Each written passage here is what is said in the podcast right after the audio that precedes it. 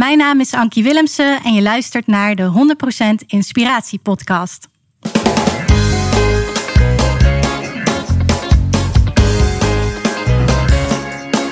Hey, wat goed dat je luistert. Hij staat weer voor je klaar. Je wekelijkse dosis inspiratie is weer daar.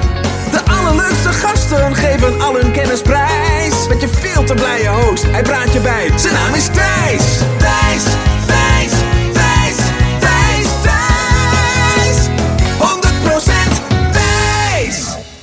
Ja, welkom luisteraar of, eh, of kijker hier op eh, YouTube. Eh, ja, je hoort het net. Tegenover mij zit Ankie Willemsen. En sommige mensen denken, oh my god, Ankie van Insta. Super Insta-famous. en andere mensen denken, nou, wie is zij?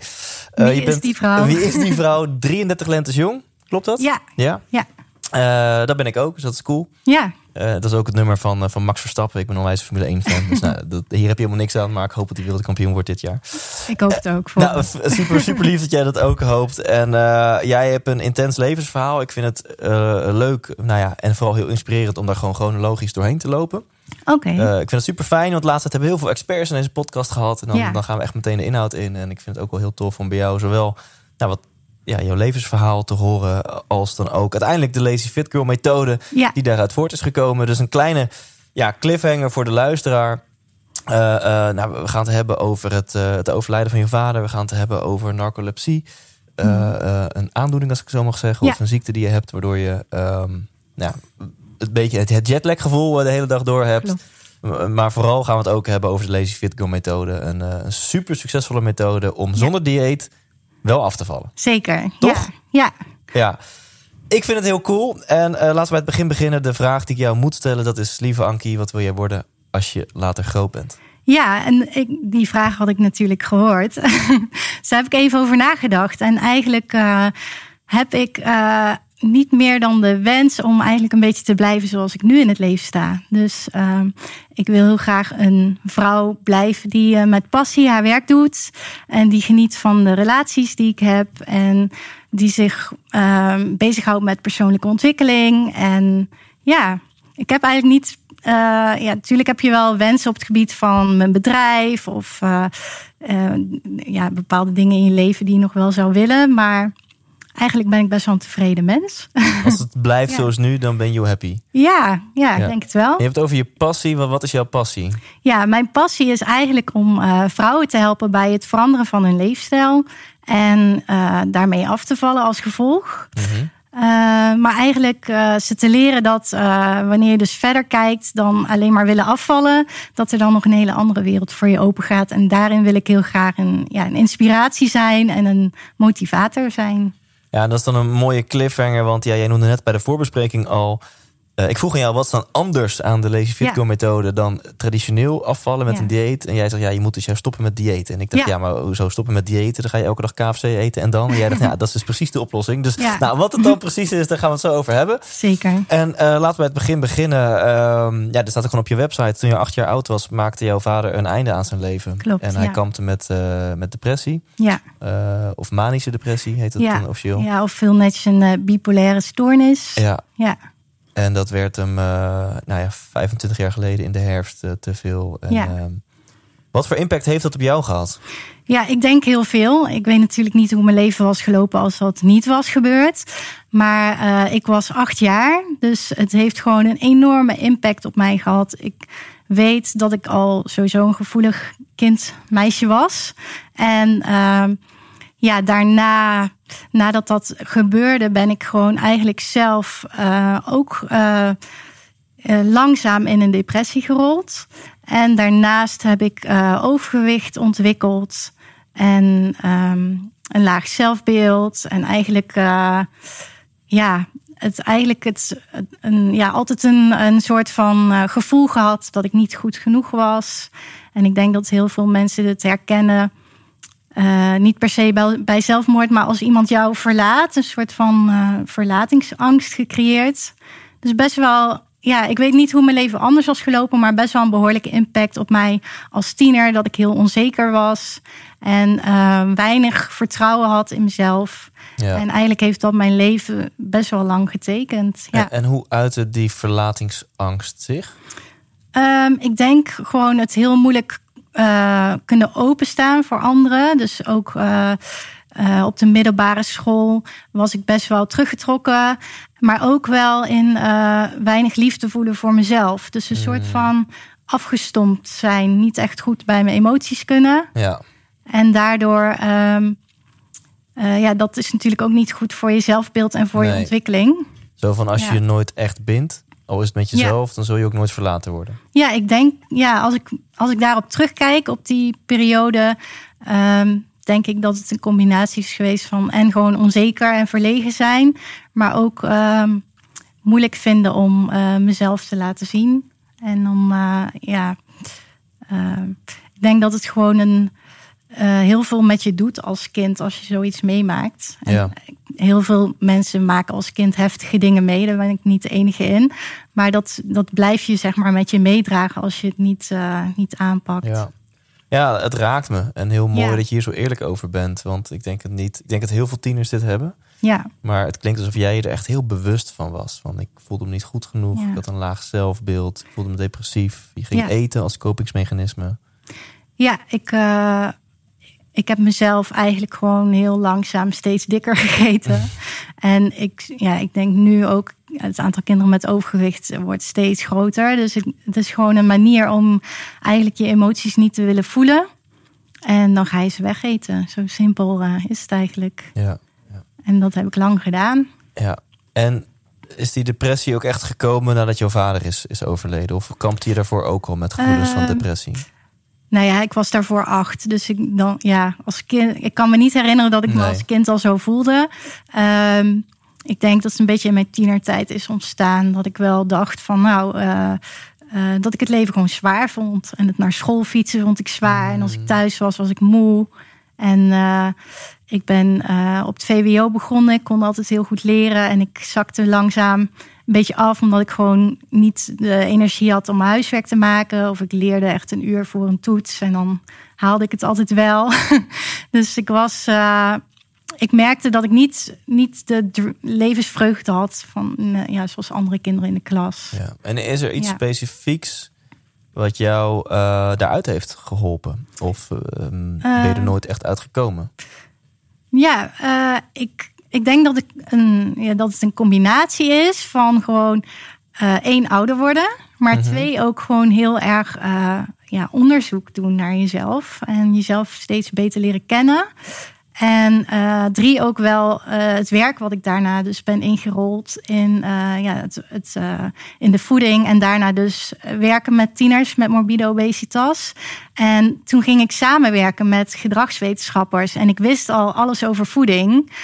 En toen leerde ik superveel over gedrag. En ik werkte ook samen met een psycholoog. En ik leerde eigenlijk heel veel over het menselijke psyche. En dat vond ik zo interessant dat ik ook superveel boeken ben gaan lezen en webinars ben gaan volgen. En eigenlijk als een soort van autodidact ja. daar helemaal in ben gedoken. En ja, als je een aantal jaar samenwerkt met dat soort mensen, dan leer je daar superveel van.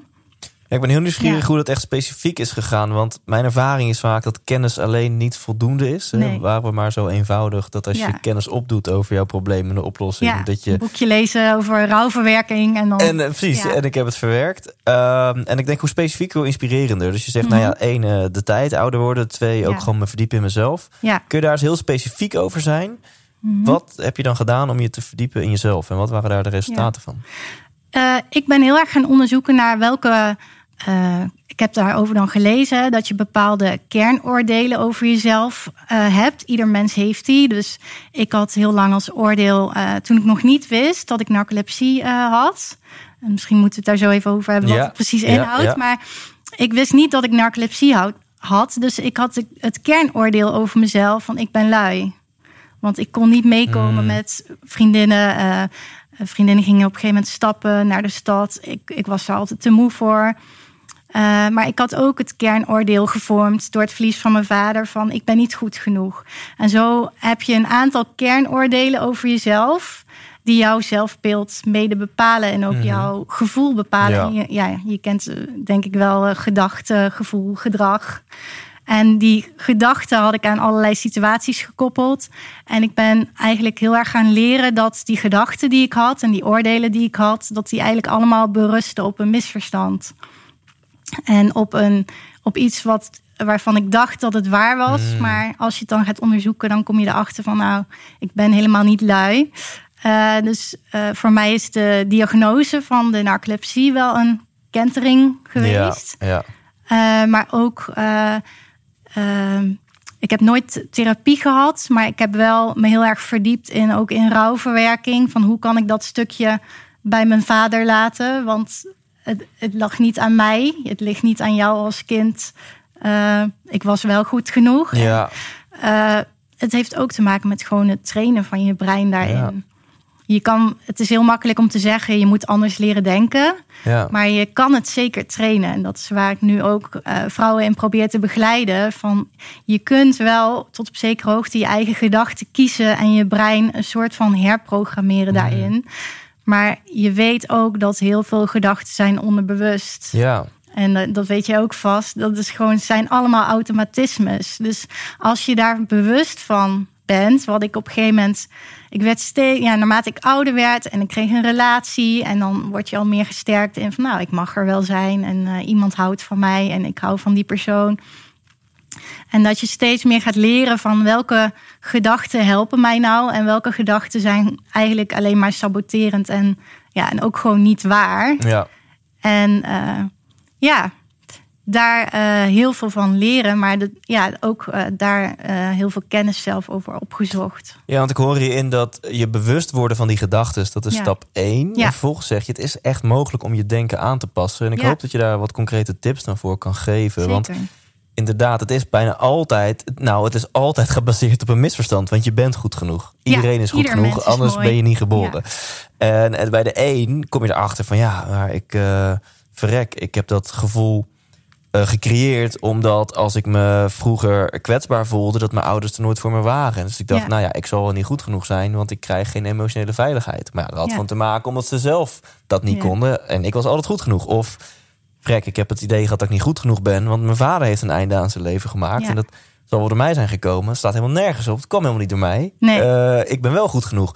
Dus stap 1 is die bewustwording. Maar kun je wat Mhm. concrete tips geven? Misschien gewoon dan je persoonlijke verhaal eh, gebruiken. Van hoe heb je dan... Want inderdaad, wat je ook zegt, het is heel onbewust, heel hardnekkig. Ja. Soms zelfs traumatisch. Ehm, eh, en ik weet dat hypnotherapie een eff- effectieve methode kan zijn. Maar ook Mhm. wel een hele agressieve Ja. methode, zeg maar. Dus ik ben heel benieuwd, hoe is het jou gelukt om je denken aan te passen? Ja, nou als ik bijvoorbeeld een voorbeeld geef, hè, ehm, stel je gaat op de weegschaal staan en je, je gewicht is, eh, stel ik ga op de weegschaal staan en ik weeg 85 kilo en dat is dus het zwaarste wat ik ooit ben geweest. Mhm. Dan heb je daar bam meteen automatische gedachten bij die jou, ja, die niet helpend zijn, zeg maar. Ja. En eh, dan zijn die gedachten vaak negatief, want eh, dan denk je van, oh, zo zwaar ben ik nog nooit geweest. En oh, het gaat helemaal mis. Of, eh, bah, eh, ik, ik vind mijn lijf echt eh, niet fijn als ik zo dik word. En eh, je moet beter gaan opletten, Ankie, dat soort gedachten. Terwijl eigenlijk is 85 kilo een heel neutraal getal. Want voor Mhm. een ander is het misschien wel supergoed nieuws. Als, Ja. als, als een ander 85 kilo weegt, dan denkt hij: yes, eindelijk, ik heb Ja. een streefgewicht behaald. Ja. Dus je weet dat het eigenlijk gedachten zijn die worden gekleurd door de waarde die jij daaraan geeft. Ja. En wat je eigenlijk kan doen is, je hebt superveel situaties die, eh, die automatische gedachten voortbrengen. Dus ook als je in de spiegel kijkt. Of zoals ik, als ik niet uit mijn woorden kom. Of, eh, of tijdens het autorijden heb ik altijd struggles met mijn navigatie. Omdat dat is met narcolepsie heel lastig. En dan heb je heel vaak automatisch negatieve gedachten die jou daarin bevestigen. Want zie je wel, ik kan de weg weer niet weet, vinden. Of zie je wel, ik kom weer niet uit mijn woorden. En wat ik dan doe, is als ik dat soort gedachten heb, is echt heel bewust ze echt een halt toeroepen en zeggen: stop, nee. Zo wil ik niet tegen mij pra- mezelf Hmm. praten. En ik kies er dan echt bewust voor om mijn, ja, het klinkt heel cheesy, maar eh, mijn eigen beste vriendin te zijn in de situatie. Dus te zeggen, wat, wat zou ik tegen mijn beste vriendin zeggen als ze op de weg is? Mm. En ze heeft een neurologische aandoening en ze kan de weg niet vinden. Ja. Wat zou je dan zeggen? Ja. En heel veel mensen zijn super kritisch op zichzelf. En missen gewoon eh, ja, de woorden die je tegen jezelf gebruikt. Die slaat jouw brein op. Dus om even terug te komen op hoe kun je je brein herprogrammeren. Als jij alleen maar negatieve woorden kiest voor jezelf, maar ook voor anderen. Dus als je heel oordelend in het leven staat. eh, eh, dan dan eh, zitten die woorden vooraan in je brein. Dus dan kan het niet anders dan dat je ook zo over jezelf denkt. Ja. Dus ik probeer ook eh, in het leven te staan zonder oordelen over mensen. En dat Ja. is heel lastig, want Ja. daar is onze maatschappij niet naar ingericht. Maar hoe minder je oordeelt, hoe meer je kan openstaan voor verandering eigenlijk. Ja, en in dit voorbeeld hè, geef je aan, nou, ik heb narcolepsie, dus ik kan eigenlijk heel begripvol en lief naar mezelf zijn. Zoals ik ook tegen een vriendin zou zijn in die Ja. situatie. Maar er zijn natuurlijk ook situaties waarin je gewoon ook echt van jezelf vindt dat je het niet goed doet. Ja, Of, of waarin je eh, wel hem kan willen vervangen door een positieve Mhm. gedachte. Maar die negatieve gedachte is zo magneet of voelt zoveel echter. ja. Hoe, hoe, hoe kan je Nou- mensen adviseren om daarmee om te gaan? Ja, ik, ik zeg wel altijd tegen mensen van... eh, het is helemaal prima om ergens van te balen. Maar spreek dan gewoon met jezelf af... oké, ik ga hier een half uur van balen of, of een kwartier... of zet desnoods een timer van ik mag hier even van balen... en daarna laat ik het los. Want als je niet in staat bent om negatieve gedachten over jezelf los te laten... dan heb je gewoon geen leuk leven. Ja, En ja, uiteindelijk willen we allemaal gelukkig zijn. ja. En als je zo oordelend over jezelf bent, dan is het ook heel moeilijk. Nou ja, ik begeleid dan vrouwen met afvallen. Als jij wil afvallen en je hebt alleen maar keiharde oordelen over jezelf, die dus ook een beetje voortkomen vanuit die dieetindustrie. Als je maar super ongelukkig bent met jezelf, dan eh, kun je alleen maar afvallen. Als je maar hard genoeg baalt van jezelf. En dat wordt ons aangeleerd. En dat is juist niet de weg naar gedragsverandering. ja. Dus ik probeer juist te kijken van, goh, hoe kun je met een liefdevolle stem ja. jezelf motiveren? Dus i- ja, ik noem het, eh, de Lees Fitkill methode noem ik ook altijd liefdevol afvallen. Ja. Dus de, eigenlijk de totaal andere benadering. En het klinkt wel heel rationeel om iets emotioneels aan te passen. Hè? Want bepaalde Ja. gedachten die komen voort uit emoties of andersom. En dan ja. klinkt heel rationeel om dan gewoon te kiezen voor nee, nu ga ik wel lief naar mezelf doen. Of ik geef mezelf een half uur om negatief te denken. Eh, Kan, kan dat echt? Dat je zo. Nou, eh, wat het juist vaak zo is, is dat emoties worden bestempeld als iets negatiefs. Maar ik zeg juist van eh, voel je emotie juist en doe er iets mee. Ehm, dus eh, als jij verdriet voelt, ga kijken wat je met dat verdriet wil doen. En wat, eh, waar we in deze maatschappij een beetje naartoe gaan, is dat je je emotie of wegeet, of misschien wel verdien, ga, je helemaal eh, los in je werk, of misschien eh, drugs of feesten, of eh, nou ja, alles om die emotie niet te voelen. Want een, een emotie is negatief. En ik heb zoiets van. Juist als je jezelf dus steeds beter leert kennen en dus die gedachten ook leert kennen, dan kun je de onderliggende emotie mag je ook gewoon doorvoelen, maar dan hoef je er niet per se een negatieve gedachte aan te koppelen. Dus Ja. ik kan best wel vaak, als ik bijvoorbeeld eh, aan mijn, eh, mijn vader reed altijd motor. Dus als ik iemand op de motor zie die op hem lijkt, dan kan ik daar best verdrietig van worden. Maar ik heb er dan, ik, op dat moment probeer ik ervoor te kiezen om er eh, mooie gedachten aan Ja. te koppelen. En zo heb je allerlei situaties, elke dag opnieuw, waar je gedachten aan kunt koppelen. En het is niet zo dat je eh, door positiever te leren denken je emoties niet meer mag voelen. Je probeert er alleen een positieve vibe aan te geven. Ja. En Ja. ik denk dat. ehm, ik vind verdriet trouwens een hele mooie emotie. Ik vind het een hele krachtige emotie. Dus ik, ik zie dat zelf nooit als negatief. ik vind verdriet zo'n beetje de emotie die me het meest in verbinding brengt met mezelf. Ja, vooral als het er mag zijn. En ja. Ja. wat, wat ik dus heel veel zie in mijn cursisten is dat ze dat verdriet dus eh, wegeten of Ja. eh, eh, weg willen stoppen, laat ik het zo zeggen. En daar overheen willen stappen. Hadden we gewoon maar een vak hè, op de basisschool of Ja. middelbare school omgaan met emoties. Ja, het zou. ja, en ook ja, gewoon überhaupt de maatschappij. Ik denk dat er heel veel culturen zijn waarin eh, emoties veel meer op de voorgrond gewoon überhaupt te mogen zijn. Ja. ja. Ja. En ik denk dat het geen quick fix is hè, voor mensen die nu denken... ja, makkelijk zeggen Ankie, maar ik heb Ja. zulke hardnekkige negatieve gedachten... en dan ga ik volgende Ja. keer tegen mezelf zeggen... nee, je bent wel goed genoeg. ja. je bent geen sukkel, Nee, wat een hele, nare, hele negatieve je- suggestie is. Alles Maar- tussen je oren moet je trainen. Ja. Dus eh, positief affirmeren zet ik dan in. Ja, En eh, dat doe ik zelf ook. En dat is niet voor de spiegel. dat is niet voor de spiegel jezelf de hemel in prijzen. Nee, dat is ook bijvoorbeeld eh body-neutraal leren denken. Dus in plaats van als jij als vrouw voor de spiegel staat, zijn heel veel vrouwen geneigd om meteen naar alle minpunten te Mm, kijken. ja. En die te benoemen en daarvan te balen. En je kan ook, eh, als je, ik ben onlangs geïnterviewd over body positivity. ja. En dat draait dus ook omdat je positief bent over andermans lijven en over alle lijven. Dus niet alleen over Oh ja. je eigen lijf. Dat Ja. wordt heel vaak gedacht. En toen zei ik van, nou, ik vind eigenlijk body neutraal een veel mooiere stroming. Want dan ga je eh, meer vanuit dankbaarheid kijken. Ja. Van, eh, als je denkt, nou, ik vind mijn benen te dik. eh, ik heb benen waar ik op kan lopen, waar ik mee kan fietsen.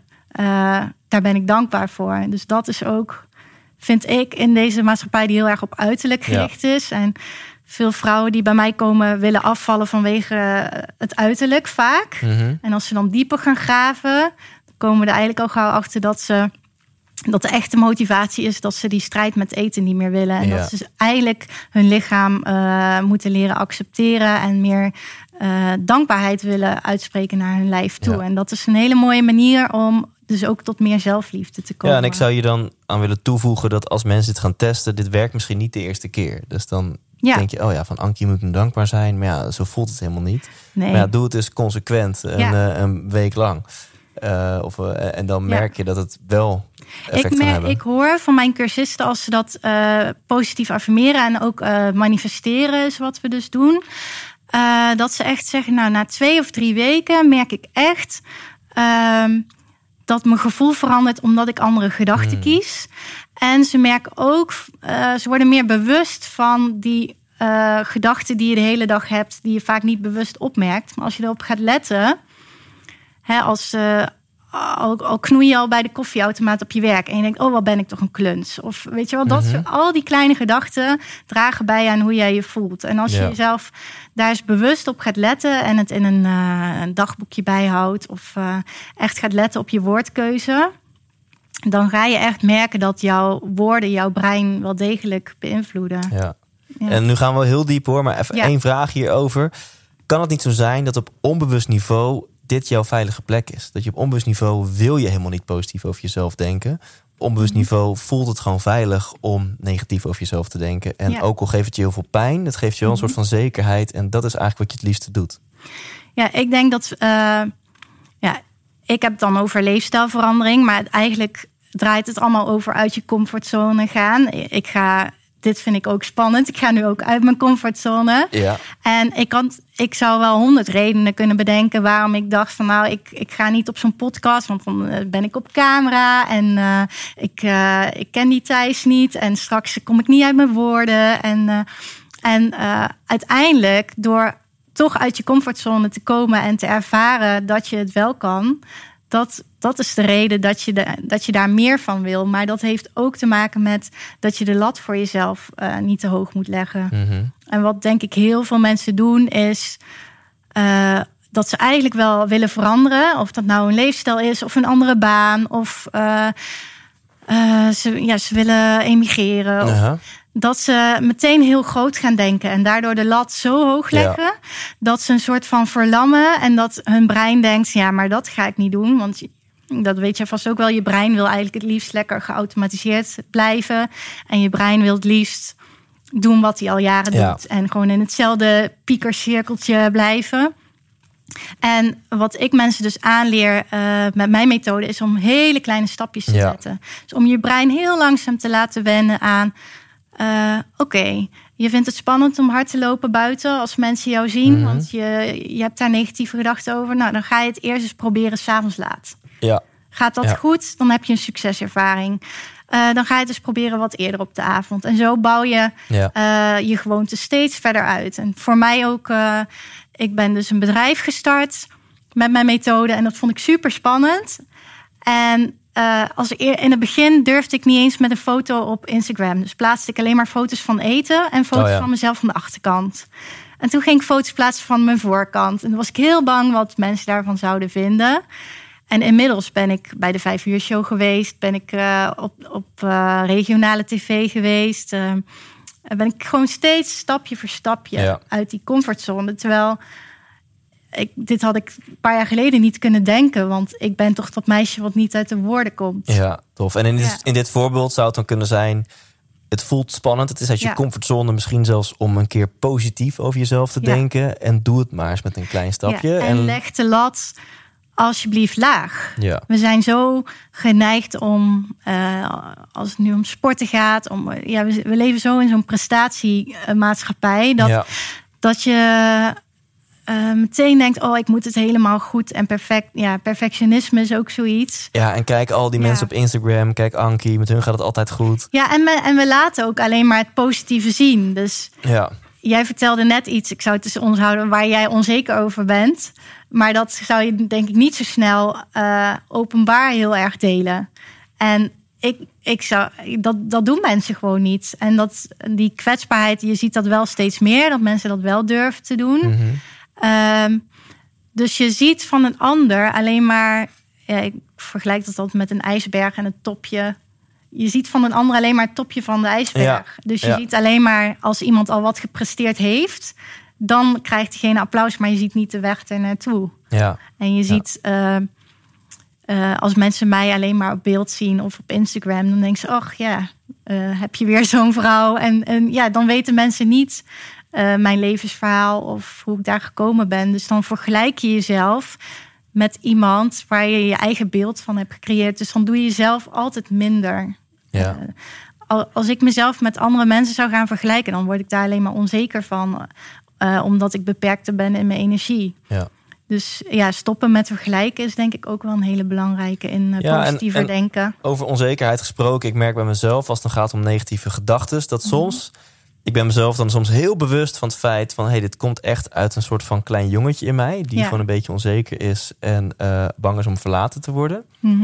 En dan helpt het voor mij persoonlijk soms ook om, omdat ik dat bewustzijn gelukkig heb, eh, eh, waar ik ook met heel veel coaching en zo achter ben gekomen, om dan gewoon dat ehm, eh, daar heel liefdevol naar te zijn. Van hey, ik Ja. snap eigenlijk best wel. Dan als ik naar het jongetje in mij praat, van hey, ik Ja. snap eigenlijk best wel dat je nu met deze gedachte komt. En ik snap dat je geraakt bent en ik snap dat je bang Ja. bent. Is eigenlijk hartstikke logisch.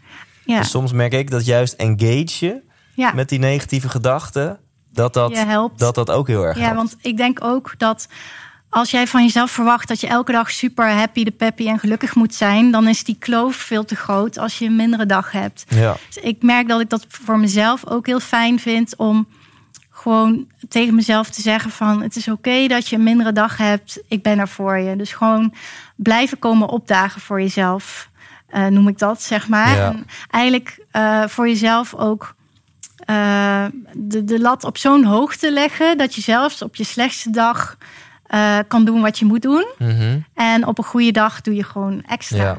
En zo sta ik erin met je leefstijl veranderen, met bewegen, eh, met alles eigenlijk. Ja, en het is zo cliché, maar uiteindelijk is er maar echt één persoon op aarde die van jou moet houden. Ja. En dan ben je zelf. En als, als je dat Ja. kan, dan Nou ja, maakt het de rest allemaal een stuk minder uit. Ik heb twee jonge kinderen en ik wil ook. Eh, ik merk bij heel veel vrouwen die mijn cursus volgen dat ze het heel moeilijk vinden om zichzelf op één te zetten. En om eh, nee te zeggen en al dat soort eh, dingen vanuit zelfzorg. En dan snij ik ook altijd dat onderwerp aan van wat voor moeder wil jij zijn? Wil jij moeder zijn die altijd haar kinderen op de eerste plek zet? Of wil jij moeder zijn die zelf eh, daarin het voorbeeld is. Dat jij jezelf op één zet, zodat jouw kind dat later zelf ook doet. Want anders eh, gaat jouw kind zichzelf ook later wegcijferen. Ja. Als je dat altijd gewend bent om te doen. Ja, En dat is vaak wel een eye-opener. Want vaak is het heel mooi om dienend te zijn en om anderen te willen pleasen en anderen het goed willen doen voor een ander.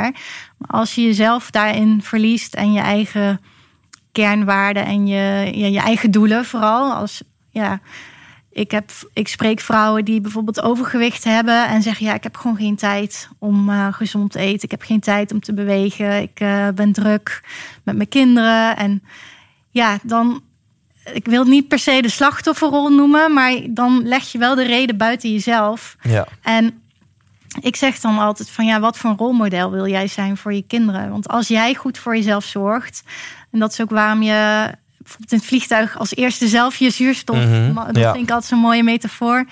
Je, als je goed bent voor jezelf, dan kun je ook goed zijn voor de ander. Want dan Ja. straal, ja, dan zit je ook veel lekkerder in je vel. Ja.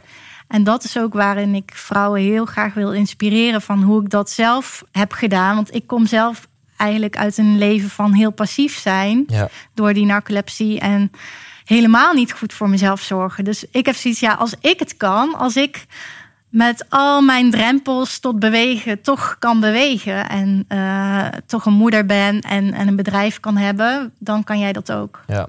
En ik, ik heb dan Ja. zelf geen kids, maar ik merk het al in mijn relatie. Dat absoluut Ja. staat mijn vriendin en mijn relatie op één. Ja. Maar ik merk als ik daarin doorsla. Ja. En ik ben alleen maar bezig met dat het goed gaat met de relatie. En dat zij gelukkig is. Dan denkt ze ook van ja gast, eh, dat is allemaal leuk. Maar doe nou ook gewoon je eigen ding, weet je Ja. wel. En daarom vind ik het juist zo aantrekkelijk dat jij ook jouw ding Ja, hebt. en dan inspireer je elkaar Ja. vaak eerder dan dat je helemaal meegaat in elkaars Precies, leven. ja. ja.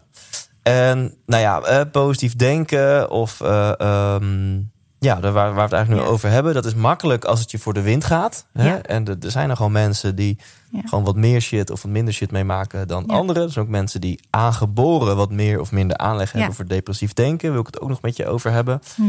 Ehm, nou, in jouw geval, eh, ja, positief denken is gewoon eh, een stuk lastiger als je bijvoorbeeld narcolepsie hebt. Ja, En eh, dat hebben we nu een paar keer genoemd. Ja. Kun je eens de luisteraar meenemen in wat Ja. dat is? Eh, narcolepsie is een neurologische aandoening en eigenlijk eh, vecht je de hele dag tegen je slaap. Bij mij uitzag uit dat zich in mezelf verspreken, wat ik echt super irritant vind, want ik hou heel erg van taal. Ja. Dus ook niet op woorden kunnen komen. En ik denk als er moeders luisteren, het is eigenlijk een soort van mombrain wat je hebt na je bevalling, dat je echt eh, heel moe bent. En, eh, maar, ja, en, maar dat eigenlijk altijd. Ja. Een soort van jetlag idee. En ik heb niet dat ik zo ineens in slaap val. Dus ik kan, eh, dat heet cataplexie. Dus ik kan wel bijvoorbeeld de auto rijden. Ja. Maar als ik bijvoorbeeld auto rijd, dan moet ik daar wel echt twee dagen van bijkomen. Of als ik, eh, zoals nu, zo'n podcast vind ik super leuk en het geeft me ook energie. Maar ik moet dan, ik moet dan niet eh, vanavond nog een eh, live webinar voor mijn volgers doen. Of morgenochtend een belangrijke afspraak hebben. Dus ik moet dat wel heel goed plannen. Maar gek genoeg heeft mijn narcolepsie er ook voor gezorgd dat ik gedwongen werd om positiever te leren denken. Dus als ik deze aandoening niet had gehad, dan had ik me waarschijnlijk nooit zo er verdiept daarin. Mm. Ja, want je had geen Dus- andere keuze dan... Ja, ik was super passief. Want eh, ik was een jaar of 19, denk ik. En mijn vriendinnen gingen uit. Nou, dat kon ik al niet, want Ja. ik eh, was s'avonds back af. En eh, ik vond het heel lastig om bijvoorbeeld voor mezelf te koken. Want eh, eigenlijk de meest simpele dingen, zoals de, de wasvouwen, koken, de vaatwasser in en uit. De meest simpele dingen kosten mij heel veel energie. Ja. En autorijden dus ook. Ehm, dus ik was heel erg geneigd om in die slachtofferrol te duiken. Van nou, ik kan niks en ik word niks. En ehm, eh, ja, ik werd ook, ik bevestigde mezelf ook steeds weer in dat idee. Ehm, ik ben een studie communicatie begonnen en eigenlijk tijdens de colleges viel ik al half zo wat in slaap. En dan heb je allemaal studenten die super gemotiveerd zijn. En eh, ik dacht echt van ja, als ik die studie al niet aan kan, hoe kan ik dan ooit werken? Ja.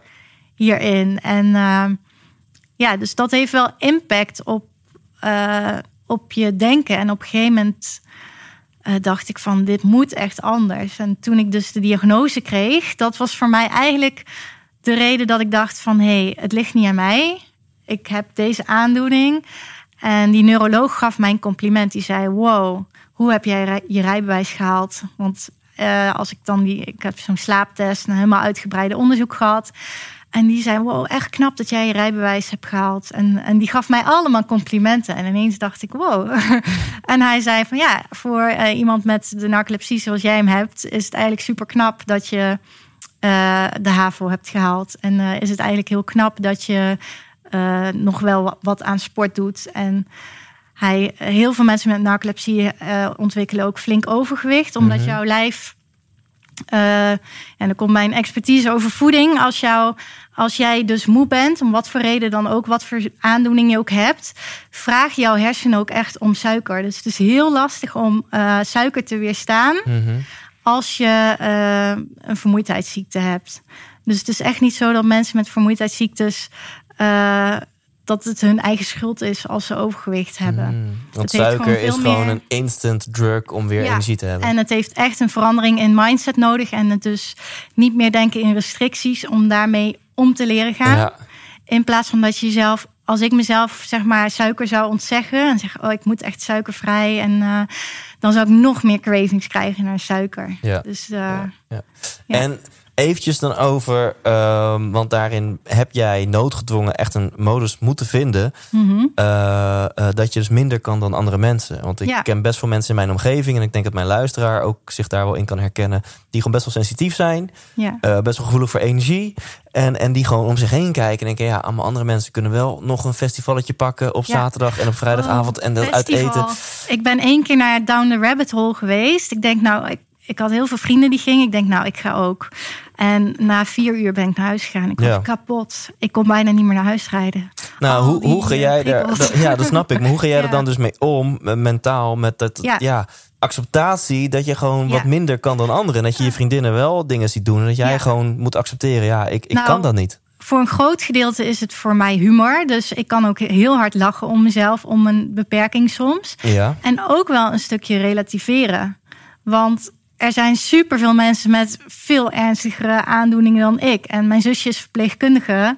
Misschien heeft dat ook geholpen. Maar die, die heeft wel een stage gelopen. Dat ze zei van ja, weet je, dat besef je je niet als je helemaal gezond bent. Besef je vaak niet wat je hebt totdat het anders is. ja. En eh, ik weet niet of je de documentaire over Bibian Mentel hebt gezien. Leef. Nee, Echt? ze heeft wel in mijn podcast plaats Oh, mogen nou. nemen. Ja. Dan moet je die zeker nog kijken. Dat is Ja. echt een aanrader van. Dus je ziet met, dat iemand met zo tegenslag, fysiek ook, eh, maar ook mentaal, dat je iedere keer die klap krijgt. In haar geval, dat is iedere keer terugkerende kanker. Dat je ziet wat je met je mindset daarin kan bereiken. En ook eh, ehm, dus een, een stuk relativeren ook wel. En ook beseffen wat je wel hebt. En kijken naar wat je wel kan. En daar heeft mijn vriend mij ook wel heel erg in geholpen. Eh, en ja, nu het feit dat ik eh, met minder uren op een dag eh, wel een bedrijf heb opgebouwd en eigenlijk hartstikke productief ben. Dus uiteindelijk zit het succes of, of ja, het verschilt natuurlijk per baan, maar je moet ook gewoon vinden wat bij jou past. Ja. Dus voor mij is dat dan de passie voeding en vrouwen helpen. Daar krijg ik ook veel energie uit. Ja. Maar ik wilde ooit juf worden op de pa. eh, en toen liep ik stage op de Pabo en ik wilde juf worden. En in het eerste jaar liep ik stage en al die kinderen. En na een stagedag moest ik een week bijkomen. Ja, dus toen wist ik. dit gaat nooit mijn vak worden. En daar Ja. heb ik toen heel veel verdriet om gehad. En toen heb ik gedacht, oké, maar er zijn genoeg dingen die ik wel kan doen. En eh, eh, je hoeft niet altijd te pieken. En ik geef dus nu online cursussen. Dus die cursus is helemaal opgenomen. En er zit al mijn expertise in. Maar die, die geef ik niet iedere keer live. Dus Ja. zo kun je overal oplossingen in vinden. ja, wat is dan even on the spot jouw nummer één tip... om met beperkte energie toch Mhm. productief te blijven? Ik denk heel goed, eh, heel goed leren nee zeggen. Dus echt kijken van wat geeft jouw energie en wat zuigt energie. En dat, dat is gewoon echt op een lijstje op papier zetten Mhm. voor jezelf. Ja. En eh, plannen. Ik, heb, eh, ik gebruik zelf een leefstijlplanner. En ik plan dus ook mijn ontspanning in. En ik plan dus ook afspraken met mezelf in. Dus dat als iemand mij zegt: hey, kun je afspreken? En dan zeg ik: nee, ik heb al een afspraak. En dan is dat dus eigenlijk een afspraak met Ja, mezelf. Ja, oké. En eh, ja, dus nee zeggen. Ja, mooi is een goede tip. Nee Ja, zeggen. Ja. ja. tegen anderen. En daarmee zeg je soms ja tegen jezelf. Ja, en eh, ook gewoon kijken van ja, wat goed bij je past. En dat is gewoon ook echt een zoektocht, denk Ja. ik. Denk dat heel veel mensen banen hebben waar ze niet heel gelukkig in zijn. Ja. Maar dat het soms ook gewoon echt een zoektocht is van wat past dan beter bij mij. Ja. En eh, ehm, ik denk ook wel eh, kijken naar. In uh, hoeverre je je op je werk zo kan inrichten dat het voor jou toch passend wordt. Ja. Soms kun je niet zomaar even van baan wisselen of uh, Ja. even iets veranderen. Dan nog één zijweggetje voordat we gaan naar Ja. eh, de Lazy Fit Girl methode. Waar sommige mensen op zitten te wachten. Eh, maar we hebben het ook gewoon over geluk in deze podcast. Een zoektocht naar geluk. Er gaan ook met theaterprogramma's over. En je noemde net al wat over mijn onzekerheid. Nou, ik nodig mensen altijd uit om te komen naar mijn theatershow. Want daar eh, eh, durf ik eh, heel veel te delen van mijn persoonlijke eh, zoektocht. En heel eerlijk, is natuurlijk ook gewoon een beetje veilig. Want ik ben natuurlijk wel in charge, in controle. Ja. Want ik vertel op het podium. Maar Wat goed, wat ik vertel is wel gewoon heel erg eh, open en eerlijk en, eh, en kwetsbaar. En hoe het is. Mhm. Uh, het lukt mij ook echt niet altijd om liefde, geluk en, en succes te ervaren Nee. in het leven. Um, maar dat terzijde. We, gaan, uh, we hebben het over een zoektocht naar geluk in deze podcast. En wat ik dan heel interessant vind, is bijvoorbeeld wat de wetenschap zegt over: is geluk nu maakbaar of niet? Ja, En er zijn heel veel onderzoekjes naar en we kunnen discussiëren over de percentages. ja, Maar eh, samengevat eh, eh, zeggen veel onderzoeken: nou ja, geluk is voor 50% 40 à 50% gewoon genetisch bepaald. ja, De ene persoon heeft gewoon een aangeboren aanleg voor positief denken en voor Ja. vrolijk zijn. En de andere persoon heeft een aangeboren aanleg voor negatief denken en depressief zijn. ja, Nou ja, je voelt natuurlijk al aankomen. Jouw vader die kampte met, met, eh, met heftige depressie. Zo erg dat ja, uiteindelijk was voor hem niet leven pijnlozer dan wel leven. ja. Ehm, en dat is trouwens, eh, vind ik, een hele belang- belangrijke eh, misvatting ook over, over zelfdoding. Of ik weet niet hoe je wat het nette woord Ja. daarvoor is. Krijg eens commentaar. Nou. Is dat het juiste woord? Ja, vind ik Ja, wel eigenlijk. Eh, eh, ehm, eh, dat, dat, die mensen hebben niet opgegeven. Die mensen hebben keihard gestreden. Ja, Holy dat fuck. vind ik ook moeilijk als Ja. mensen. Ik, eh, mensen beseffen niet dat ja, eh, vo- vooral een bipolaire stoornis, waardoor je, waarbij je dus echt van een heel diep dal weer naar een high gaat en weer. Als jij zo op een high zit en je gaat naar zo'n diep dal, daar, daar kunnen wij niet eens een voorstelling van maken Nee. hoe dat is.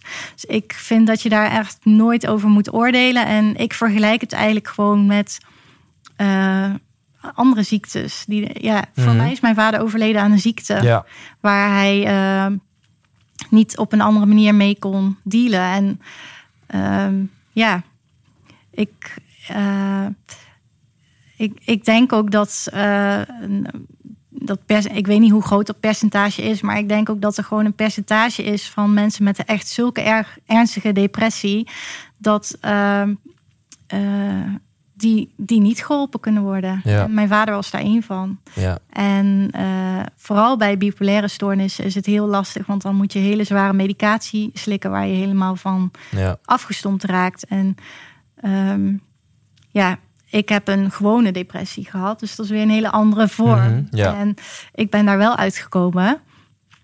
Maar eh, ja, Maar hoe zit die Ja. 50% Ja. genetisch bepaald bij jou?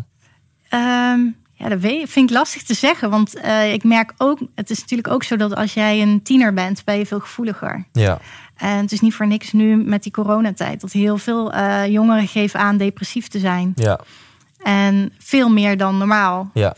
Eh, dus het hangt ook van heel veel omgevingsfactoren af. Dat is daarmee wel duidelijk Ja. eigenlijk dat het voor een heel groot deel ook niet genetisch is. Maar Ja. de aanleg, die is denk ik wel voor een deel genetisch. Maar of je het ook echt ontwikkelt, Mhm. dat is een tweede. En ik denk dat dat zo afhankelijk is van met wie je omgaat. En je opvoeding. En, maar ook wel of je eh, verdiept in jezelf. En Ja. eh, daaraan wil werken. Ja. Ja. En ik, ik, ik probeer gewoon met heel veel omwegen er Ja. te komen. Dat je bij de voorbespreking zei, nou, ik heb een genetische aanleg ook wel voor, Ja. voor die depressiviteit. En het is iets ik wat op de achtergrond altijd Ja. meespeelt. En kun je, kun je daar Ik ben- wat over vertellen Als hoe ik dat is? ochtends opsta, denk ik niet yes. Eh, wat, ja, ik weet, het is gewoon zo'n soort van basisgevoel. Ja, Dat, ik heb wel het gevoel dat ik mezelf elke dag weer een beetje moet opbouwen. Ja. Of zo. Dus ik, ik wil niet zeggen, ik begin met het glas half leeg. Maar ik, ik begin zeker niet met het glas half vol. En eh, ja. Ja. ik heb mensen in mijn familie die eh, wel echt 's ochtends opstaan. En yes, en jij, jij zult ook dat soort mensen ke- kennen die altijd vrolijk Mhm. zijn. Maar er is wel een verschil tussen vrolijk uiten en het ook echt zijn. Dus ja, het is heel, het is denk ik niet slim om jezelf te vergelijken met mensen erin. Want je kan niet bij iemand echt naar binnen kijken Ja. hoe, hoe die zich voelt. nee, sommige mensen kunnen niet eens bij zichzelf naar binnen kijken. Nee, daarom. Dus ik, ik, ik vind het juist wel fijn dat ik eh, eh, eh, s ochtends die emotie voel. En dat ik denk van nou, hoe kan ik er een fijne dag van maken? En eh, eh, ja, ik heb soms wel wat meer eh, hulp daarin nodig van mezelf. Dat ik echt eh, soms ook op een dag even, even, even tien minuten niks. Even stilstaan bij mezelf. Van hoe gaat het met me? Hoe voel ik me?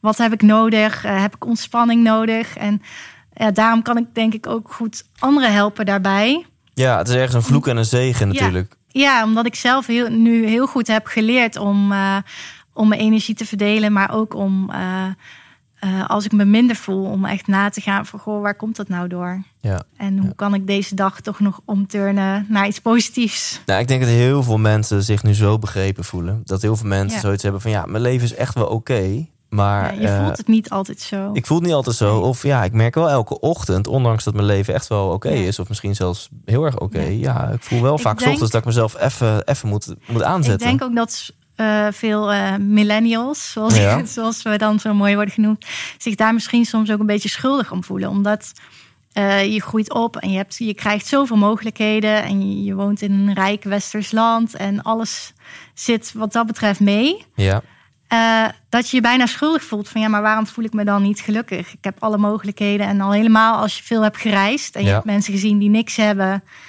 En die, eh, ik ben bijvoorbeeld in Costa Rica geweest en dan zie je mensen die echt weinig hebben en hartstikke gelukkig zijn. ja, Ik weet nog dat ik me bijna schuldig voelde van wow, ik, ik kan gewoon op de andere kant van de wereld zijn. Ik kan gewoon eigenlijk eh, alle, ik kan een studie volgen. Ik, ik kan, eh, ja, we, we leven in zo'n rijk land wat dat betreft ja, dat ik denk waar ook heel veel mensen tegenaan lopen, is dat je zoveel mogelijkheden hebt, waardoor je eigenlijk gewoon eh, niet meer tot je essentie komt van waar je nou echt gelukkig van Ja. wordt. En ik heb wel sinds ik dit werk ben gaan doen en sinds ik me ja, echt daarin ben gaan verdiepen, en dat heb jij misschien ook, dat je veel meer weet van waar word ik nou gelukkig van en wat betekent voor mij eh, geluk en, en eh, ja, hangt dat nou echt samen met, met materialisme of niet? Ja. Of hangt dat nou echt samen met bepaalde prestaties leveren of niet? Ja. Dat, ja, ik denk hoe meer je daar jezelf in onderzoekt, hoe meer je daarin in kan leren ook.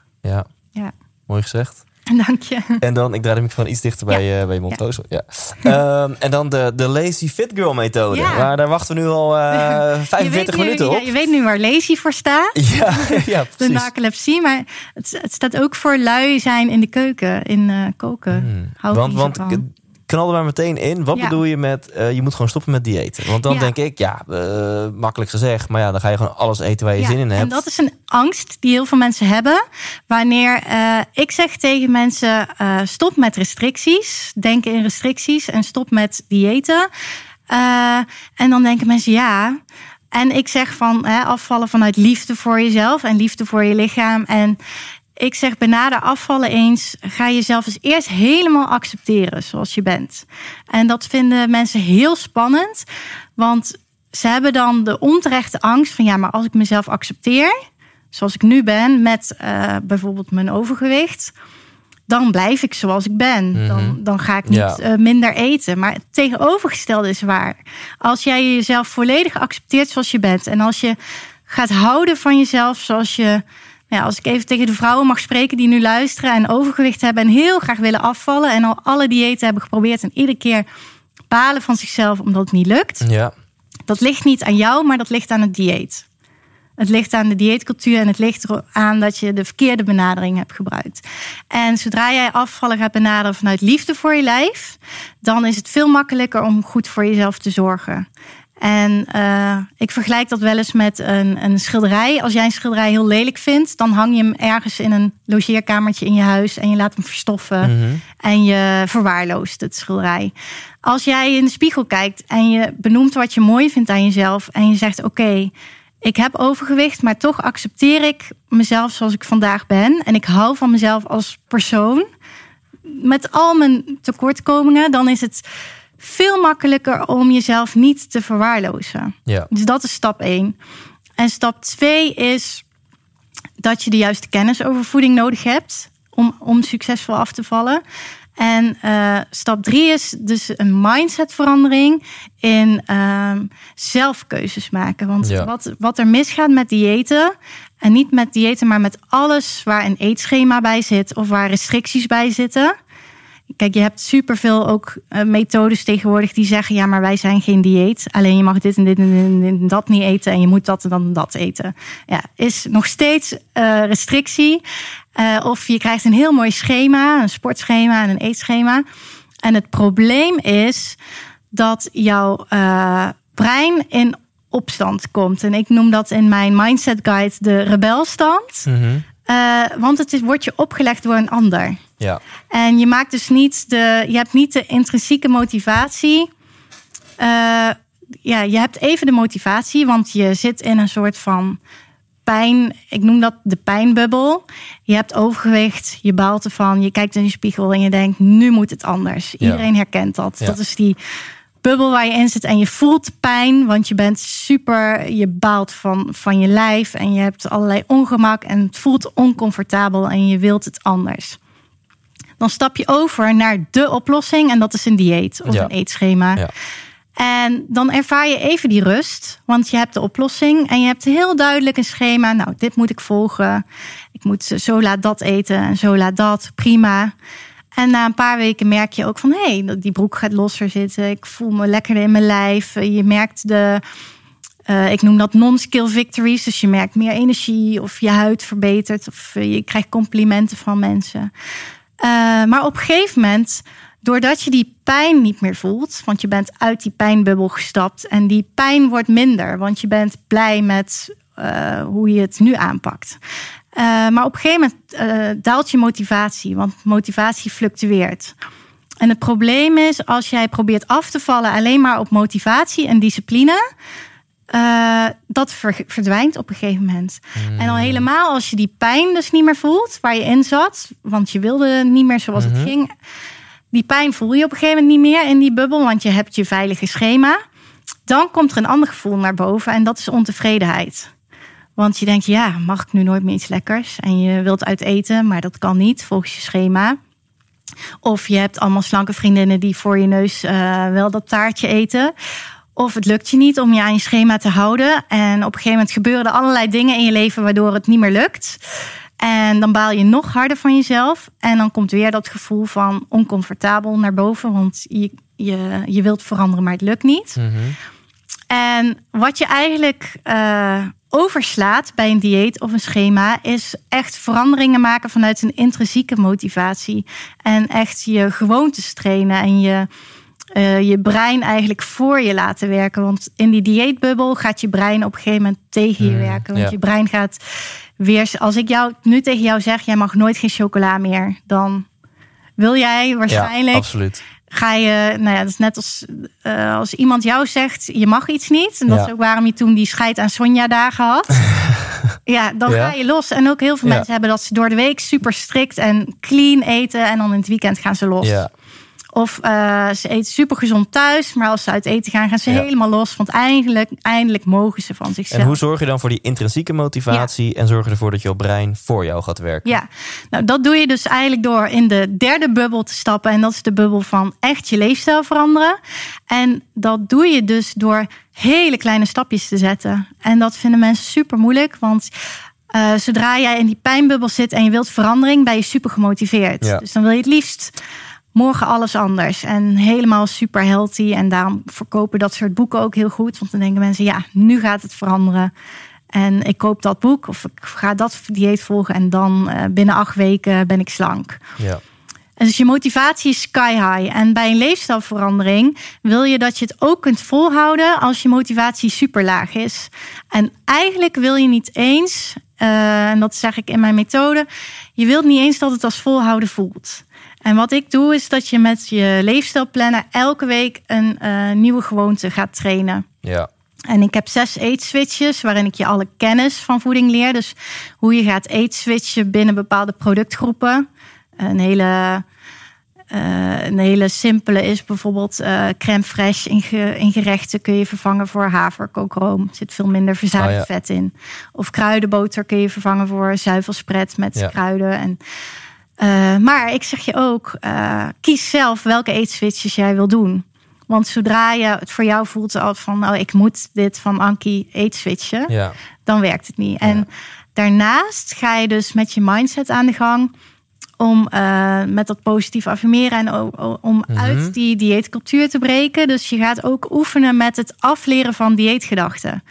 En jij als man zult daar waarschijnlijk minder last van hebben, maar vrouwen die nu luisteren, typische dieetgedachten zijn als eh, ik sport dat er straks weer af of Ja. ik eh, eh, morgen begin ik weer of nu vandaag ben ik streng en morgen ga ik los of nu Ja. heb ik een cheat day.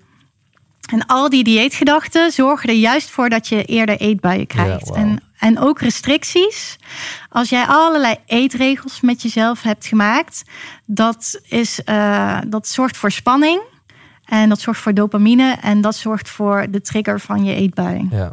En daarnaast nog heel veel andere dingen, zoals stress en je Ja, mindset. ja, en, ja. ja. Nou, bij mij is net iets anders. Ik wil graag aankomen. En soms ook zo graag aankomen dat ik geen zin meer heb in eten. Dus dat zijn even een andere ja, dan kant van de medaille. ook tegen je, omdat je het jezelf oplegt. Eh, maar jij hebt al een paar keer genoemd eh, de age switch en mindset switch. Ehm, even tussendoor, eh, daar heb je guides voor geschreven. De age switch guide en de mindset guide. En die staan gewoon voor jou klaar als luisteraar. Voor die, gratis. Gewoon helemaal gratis op Ja, eigenlijk zijn de, de, guide, Ja. de Age Switch Guide en de Mindset Guide vormen samen mijn methode. Waarin je eigenlijk in eh, een aantal stappen je leefstijl dus heel laagdrempelig gaat veranderen. Ja. En waarmee dus heel veel vrouwen dan wel in een jaar eh 30 of 40 kilo kwijtraken. Wauw. En juist door je dus hele lage doelen te stellen, verander je echt je leefstijl. Dus eh, ga je echt met jezelf aan de slag. En bij een dieet stap je daar overheen. En daarom val je bij een dieet ook altijd Ja. terug in je oude gedrag. Ja. Dus dit is eh, gedra- gedragsverandering. Ja.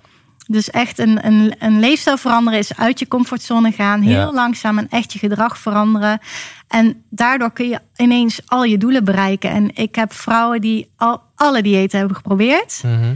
Eh, die het nu wel lukt. Dus daar ben ik heel trots op. Ja, je hebt er ook een cursus in. Daar gaan we het straks Ja. nog meer over hebben. Maar voor nu, eh, richting Ja. de luisteraar, check thijslindhout.nl slash Ankie. Want daar staan ook gewoon die Ja. gratis guides voor je klaar. En je zei net iets over drie stappen van acceptatie, kennis en mindsetverandering. Ja. En als ik je goed begrijp, heb ik het idee dat acceptatie eigenlijk de belangrijkste stap is. Is het dan zo dat als je alleen die stap doet, dat je echt jezelf helemaal accepteert zoals je bent, Mhm. dat het dan bijna vanzelf gaat dat je na een tijdje Nou. ook gezondere keuzes gaat maken? Eigenlijk, eh, wat ik heb geleerd vanuit de gedragspsychologie is dat wanneer je wilt afvallen vanuit eh, een strijd- en wilskrachtmodel, dat je jezelf eh, zulke hoge eisen stelt dat er een soort van verlamming optreedt, waarbij je denkt van nou of perfect of niet. Ja. En dan krijg je van die gedachte van nou deze dag is toch al verpest, morgen weer een nieuwe dag. Of eh, nou, eh, ehm, ik, eh, ik heb mezelf voorgenomen om super gezond te eten. En het lukt drie dagen. En daarna ga ik weer helemaal los. En dan gaat het weer helemaal mis. En dan heel veel vrouwen hebben dan bijvoorbeeld eetbuien. Ja.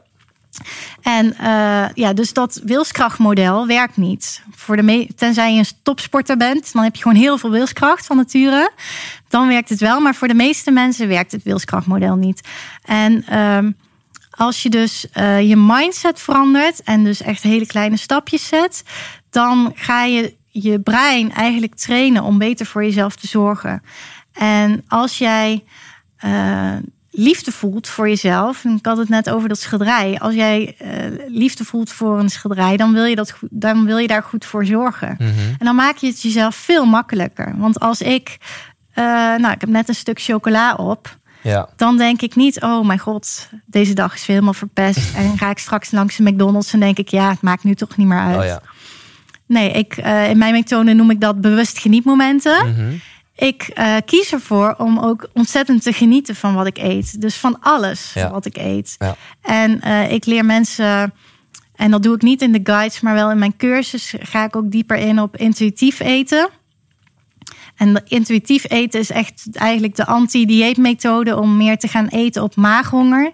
En echt te gaan leren luisteren naar je Ja. lijf. Van Ja. wat heeft mijn lichaam nou echt nodig? En dan kom je er heel vaak achter dat als je hoofdhonger hebt, dus je wilt snijden, maar Mhm. eigenlijk heb je geen trek, maar je wilt meer snijden om het snijden, dan is dat altijd eigenlijk een mindset les die jouw lijf, want het is wel je brein die vraagt om eten, dat is altijd een les. Dus heel vaak wil je eten omdat je gestrest bent. En moet je eigenlijk iets aan die stress doen. Ja.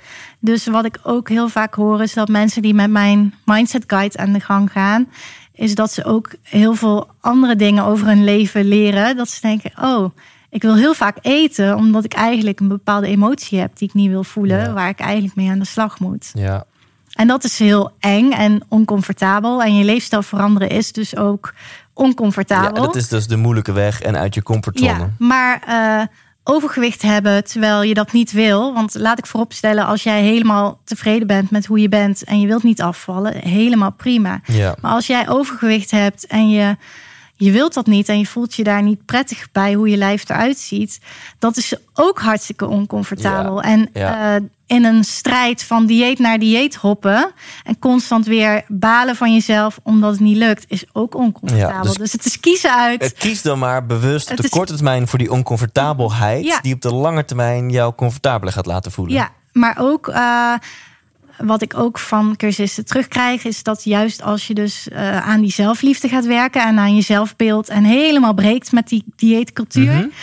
Dan levert het je ook eh, heel veel eh, positiefs op. Eigenlijk Ja. al vrij snel. Ja. Dat je echt denkt van wow, ik, ik denk ineens heel anders over mezelf. Nou, dus voor mensen die mee aan de slag willen, kunnen ze de Eat Switch Guide en de Mindset Guide Gratis, downloaden. ja, als e-book. En daar vind je dus ook Ja. antwoord op de vraag als, ja, als ik dan eh, inderdaad, ik wil vaak suiker eten, want dan heb ik weer meer energie. Ja. Hè? Of ik wil vaak eh, vet eten, want dan eh, voel ik me gewoon wat beter. Dan heb ik geen Ja. stress meer of geen. Nou ja, su- suiker en vetrijk eten is eigenlijk een soort van overlevingsmechanisme van je lijf. Mhm. Dus als jij super vermoeid bent of, of je bent op dieet en je eet gewoon veel te weinig, dan is suiker en vet het eerste waar je brein, je, je, je oerbrein, eh, Ja. super erg de focus op gaat hebben. Dus dan is het ook helemaal niet raar dat je dat niet kan weerstaan. Ja. En eh door Zoveel mensen voelen zich nu begrepen. ja, en mijn methode met het eetswitchen leer ik jou echt om voedzamer te eten. Waardoor je lichaam denkt, hé, hey, ik krijg allemaal voeding binnen in plaats van vulling. En hey, Mm. ik, ik voel me eigenlijk hartstikke verzadigd. En Ja. dat dus eigenlijk door een combinatie van voedzamer eten en je mindset... eh, maak je het jezelf zoveel makkelijker om heel succesvol af te vallen. Nou, en voor mensen die echt aan de slag willen, heb jij een transformatiecursus. En dat is een acht weken online videocursus. Ja, echt een training. Ja, kun je daar kort wat over vertellen? Ja, Eh, nou, we beginnen met de cursus allereerst met manifesteren. Dus je gaat echt voor jezelf bepalen van waarom wil ik nou afvallen? Want heel veel mensen denken dat ze willen afvallen voor hun gezondheid en ik wil fitter zijn of eh, in mijn trouwjurk passen. En ik daag je eigenlijk meteen uit om een laag dieper te kijken. Dus, eh, en dan kom je er eigenlijk achter dat je eh, de strijd met eten niet meer wilt. En ik wil mensen eigenlijk verlossen van die strijd met eten. En dan is afvallen eigenlijk een heel logisch gevolg. Ja. Eh, en daar beginnen we mee, met dat helemaal helder te krijgen. En daar ga je echt flink mee aan de slag. En eh, daar zitten dus ook verdiepende opdrachten bij die niet in de guide staan. En je gaat aan de slag met intuïtief eten. Dus hoe leer je hoofd- en maaghonger nou te onderscheiden? En, ja, en ik ga dus alle eetswitches met je stap voor stap doorvoeren. Want dat, als we het nog even over het brein hebben. Als jij je eetpatroon in één keer omgooit, dan gaat je brein ontzettend veel weerstand Ja, geven. ja. En dan na een paar weken denk je, ja, eh, fuck it. Ja. eh, weg, met dat, weg met al die gezonde voeding. eh. dus je moet dat heel langzaam opbouwen. Dus eh eetswitch 1 is bijvoorbeeld alles volkoren. Hmm. Dus dan ga je echt in je voorraadkast en dan ga je alles naar volkoren switchen. En dan bij Eat Switch 2 gaan we eh, ontbijt en je broodbeleg. En Eat Switch 3 Mm, ja, ja, ja, draait om vetten. En zo ga je langzaamaan. En ik heb eh, vrouwen die mijn methode al een jaar volgen en zeggen: Nou, sommige Eat Switches heb ik al prima onder de knie. En sommige ben ik nog steeds aan het trainen. En dat is helemaal prima. Ja. Want je valt nog steeds af. Ja. Dus je hoeft. En er zijn ook misschien dingen waarvan jij, die jij zo lekker vindt. Waar jij zo mentaal van geniet. Want mentaal tevreden zijn over wat je eet is ook heel belangrijk. Om eh, ook eh, als je last hebt van eetbuien. Dan is het heel belangrijk dat je blij bent met wat je eet. Dus dat je een super lekkere lunch voor jezelf maakt. En als ik dan wel eens zie wat vrouwen in een dieet moeten eten. Of dat je überhaupt iets moet eten wat je helemaal niet lekker vindt. Omdat het in een eetschema staat. Dat triggert dus ook die rebelstand. Ja. Dus eh, ik zeg altijd eet switch alleen wat je echt graag wil. Ja. En ik heb ook vrouwen die mij al heel lang volgen en bijvoorbeeld eh, vegan willen gaan eten. En die volgen eerst al mijn eetswitches en daarna maken ze pas die switch naar vegan ja. of vegetarisch Ja. of meer plantaardig. En daardoor zeggen ze ook van ja, nu hou ik het wel vol. Ja. Nu heb ik echt mijn leefstijl veranderd. Ja. En dit is mega succesvol, ook omdat Ja. jij in elk geval die Eat Switch methode eh, guide en die mindset guide kosteloos aanbiedt. Ja. En daardoor ben je echt heel snel gegroeid naar 60.000 volgers Ja. op Instagram. Echt Ja. super tof is dat. Ja. En voor mensen die dus echt aan de slag willen met de transformatiecursus, dat is dus een acht weken online videocursus. Dan zie je dus allemaal video's van jou en neem jij mensen eigenlijk op die manier Ik neem persoonlijk je aan de hand. bij de hand. Ik, Ja. ik heb nu meer dan duizend cursisten mogen Tof. begeleiden. En eh, ja, het, het voordeel van video is ook echt dat je het nog een keer kan terugkijken. En dat het echt bij je binnenkomt. En dat je echt eh, aan de slag gaat met, Ja. eh, met de opdrachten. Ja, en we, ik bied vaker online producten aan in deze podcast. En vaak zijn het producten van honderden euro's. Ja. Eh, maar deze cursus kost slechts 129,95 euro. Valt heel erg mee, En toch? Om, om voor de rest mega mee, ja. te zijn. En we doen er zelfs nog wat bonussen bij. Dus eh, nou, Ja. ik nodig mensen uit om ook daarvoor naar thijslindhout.nl slash Ankie te gaan. Want dan maken we er gewoon een hele toffe deal van. Een soort van irresistible offer. Ja. Ehm, ja, en ik, ik wil nog uren met jou doorpraten. Maar we, we, gaan helaas eh, afronden. ja, dat is zoals je passie is. Hè? Ja, hè? Ja, is er iets wat ik jou had Dan moeten blijf vragen? ik praten. Nee, nee, ik denk dat eh, alles wel gezegd is. Ja. Oké. Ik, ik, ja, wat misschien wel leuk is, ik, ik heb toen mijn methode startte, Ja. zijn er heel wat vrouwen geweest die super enthousiast aan de slag zijn gegaan. En dus ook eh 30, 40 kilo, zo eentje 50 kilo zijn afgevallen. En die zijn, heb ik allemaal tot ambassadrice gemaakt. En dat is ook het leuke, dat het voor heel veel verschillende type vrouwen werkt. Mhm. Eh, dus het is voor mensen leuk om mij te volgen, eh het Lazy Fit Girl methode. Maar het is ook heel leuk om naar mijn website te gaan en al mijn ambassadrices te volgen. Want de een heeft vier kinderen, de andere zit in de overgang, de andere ja. heeft een burn-out gehad en heeft een methode gebruikt om uit haar burn-out te komen. Dus het zijn allemaal heel verschillende vrouwen. Dus Ja. is voor ieder wel iemand die En leuk is. hoe heet jij op. Instagram? Het Lazy methode. Het. Oké, te gek. Tot slot, ja, je wist dat die ging komen. Ja. Eh, je mag nog een laatste tip, Ja. wijsheid, levensles, Ja. inzicht met de kijker-luisteraar delen. En je, en je Ja. mag zelfs als je wil dan ook in, in die camera kijken met het blauwe statiefje. Zodat de YouTube-kijker jou echt recht in de ogen aankijkt. Eh, nou, ik wil als eerst zeggen, volg je passie. En wil je afvallen, dan wil ik je alleen maar zeggen... breek met de toxic dieetcultuur... en verlos jezelf met de strijd eh, met eten. Ja, dankjewel. En de entourage drukt nu op het juiste knopje. 100% Thijs! En dan eh, rond ik hem nog even echt af. Eh, bedankt, eh eh, sowieso jij, Ankie, dat je hier aanwezig was. Nou, wat een eer, dankjewel. Echt, echt heel tof. En jij bedankt als kijker of luisteraar dat je deze episode hebt gecheckt. Nou, Ankie die komt even bij. Ja. En eh, ehm, eh, wat jij kan gaan doen is uh, gaan naar thijslindhout.nl slash Ankie, Ja. A-N-K-I. Want daar staan die, eh, die gratis e-books voor je klaar. Ehm, als je dat doet trouwens, dan deel ik wel jouw e-mailadres met Ankie. Dus dat is eventjes een AVG-mededeling. Ja. Dus dan krijg Ik ga je je... niet spammen. Je wordt niet gespamd. Nee, je kan je ook niet. elk moment afmelden voor Ja. zowel mijn mailings als die van Ankie. Eh, maar je moet wel even je e-mailadres eh, eh, achterlaten. En in ruil daarvoor krijg je die twee gratis e-books. Of kun je natuurlijk ook gewoon meteen een transformatiecursus aanschaffen. Met een heel toffe, ja, met een heel toffe bonus die daar voor jou klaar staat. Dus doe dat. Thanks voor het luisteren en kijken. Tot volgende week. Leef intens.